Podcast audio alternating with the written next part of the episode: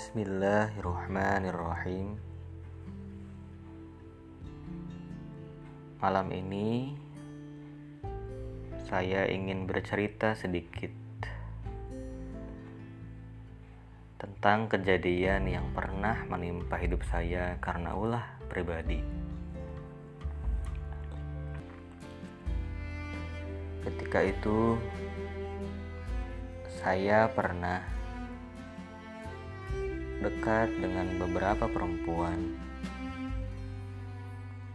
yang saya kenal ketika di kampus. Tanpa saya sadari, waktu itu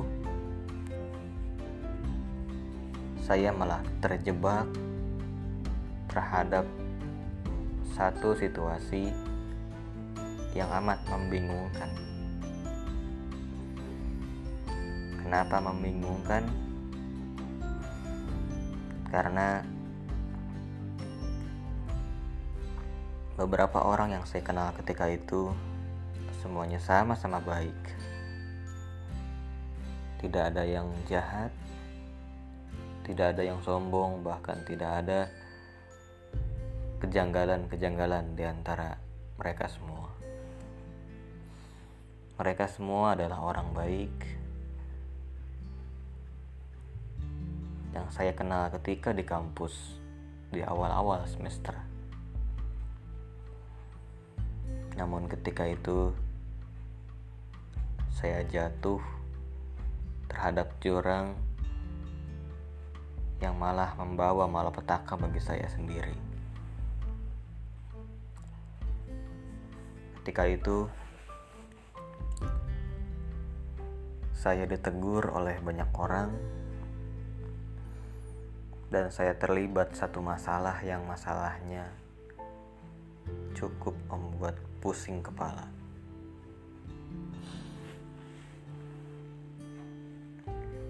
Memang masalah ini adalah masalah sepele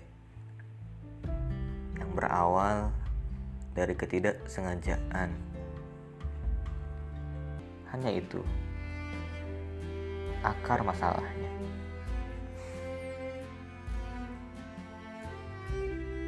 Pada saat hari pertama kasus itu berkembang,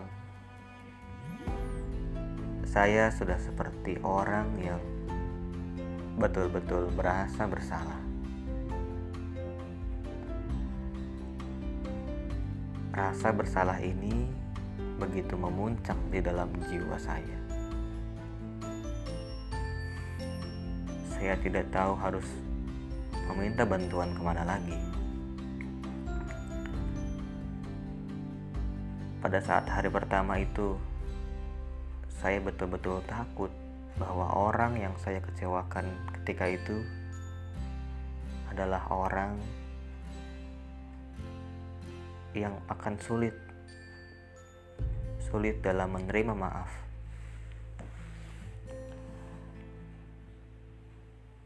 Berangkat dari peristiwa itu, dari peristiwa awal itu, saya terus mencari bantuan tanpa lelah. Bahkan saya pernah berani menemui dosen bimbingan konseling saya dan kemudian saya pun bercerita mengenai apa yang terjadi sebetulnya.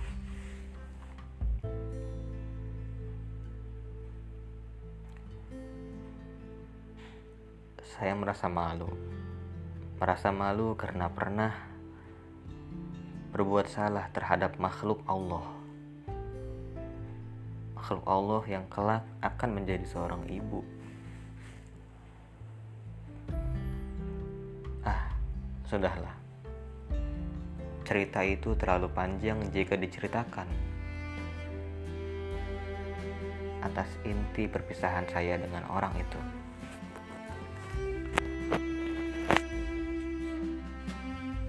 Semuanya berawal ketika saya membuat janji dengan sahabat saya itu.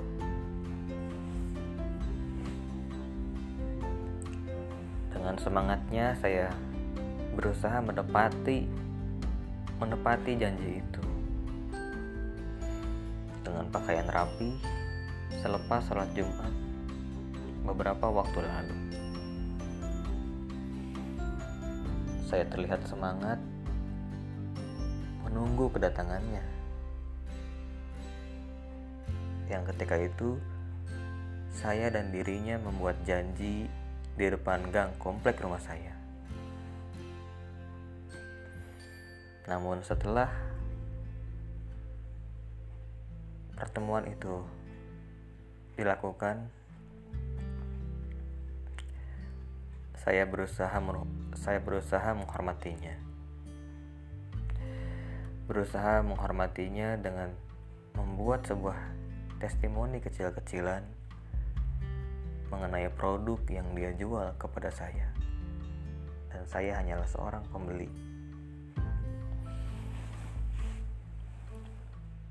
Dengan niat yang cukup baik, saya buatkanlah testimoni kecil-kecilan itu. Namun apalah daya, ketika saya melihat status WhatsApp-nya yang setiap hari selalu berisi tentang testimoni-testimoni produk yang dia jual sendiri. Saya melihat ketidaksamaan antara saya dan juga teman-teman saya yang lain.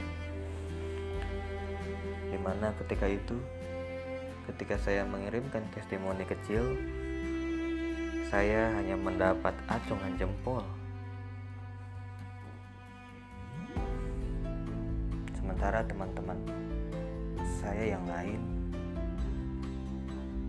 berhasil dinaikkan statusnya berhasil dinaikkan percakapan status di WhatsApp-nya menjadi sebuah status.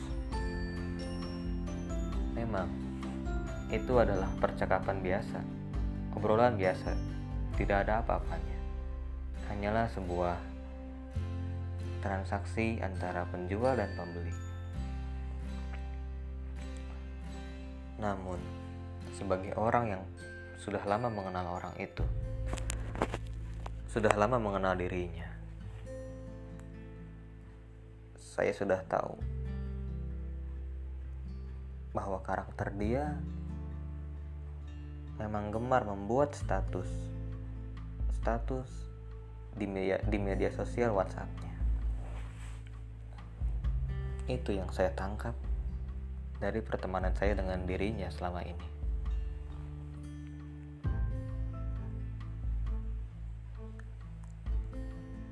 saya merasa ketika saya membuat pertemuan itu dengan begitu baiknya, namun semuanya berbalas seolah tidak seimbang.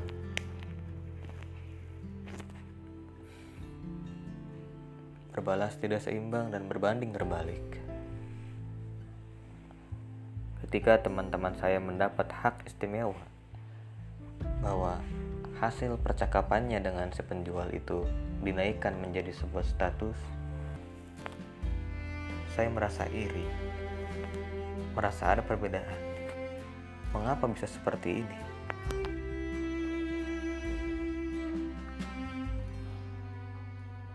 Sampai akhirnya ada adik kelas saya yang mengatakan bahwa sahabat saya ini sudah terlanjur kecewa sudah terlanjur risih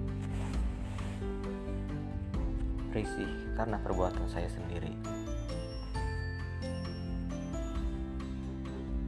dan ketika adik saya adik kelas saya mengatakan hal demikian saya langsung sadar diri sadar sesadar sadarnya bahwa ini murni perbuatan saya dan sebagai laki-laki yang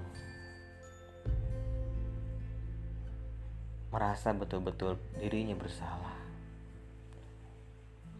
Saya pun langsung membuat langkah yang luar biasa, yaitu dengan left group dari UKM yang selama ini mempertemukan saya dengan dirinya. Ya, itulah UKM keislaman. Lembaga yang bergerak di bidang dakwah masyarakat bidang dakwah keumatan dan yang lain-lain. Itu adalah wadah organisasi yang pernah saya ikuti ketika di kampus.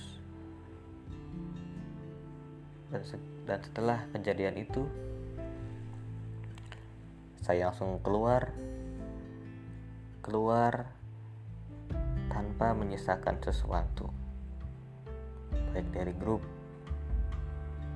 UKM itu ataupun dari grup-grup yang lain yang masih ada hubungannya dengan wadah organisasi itu. Bahkan saya menghapus semua nomor teman-teman yang masih aktif di wadah organisasi tersebut.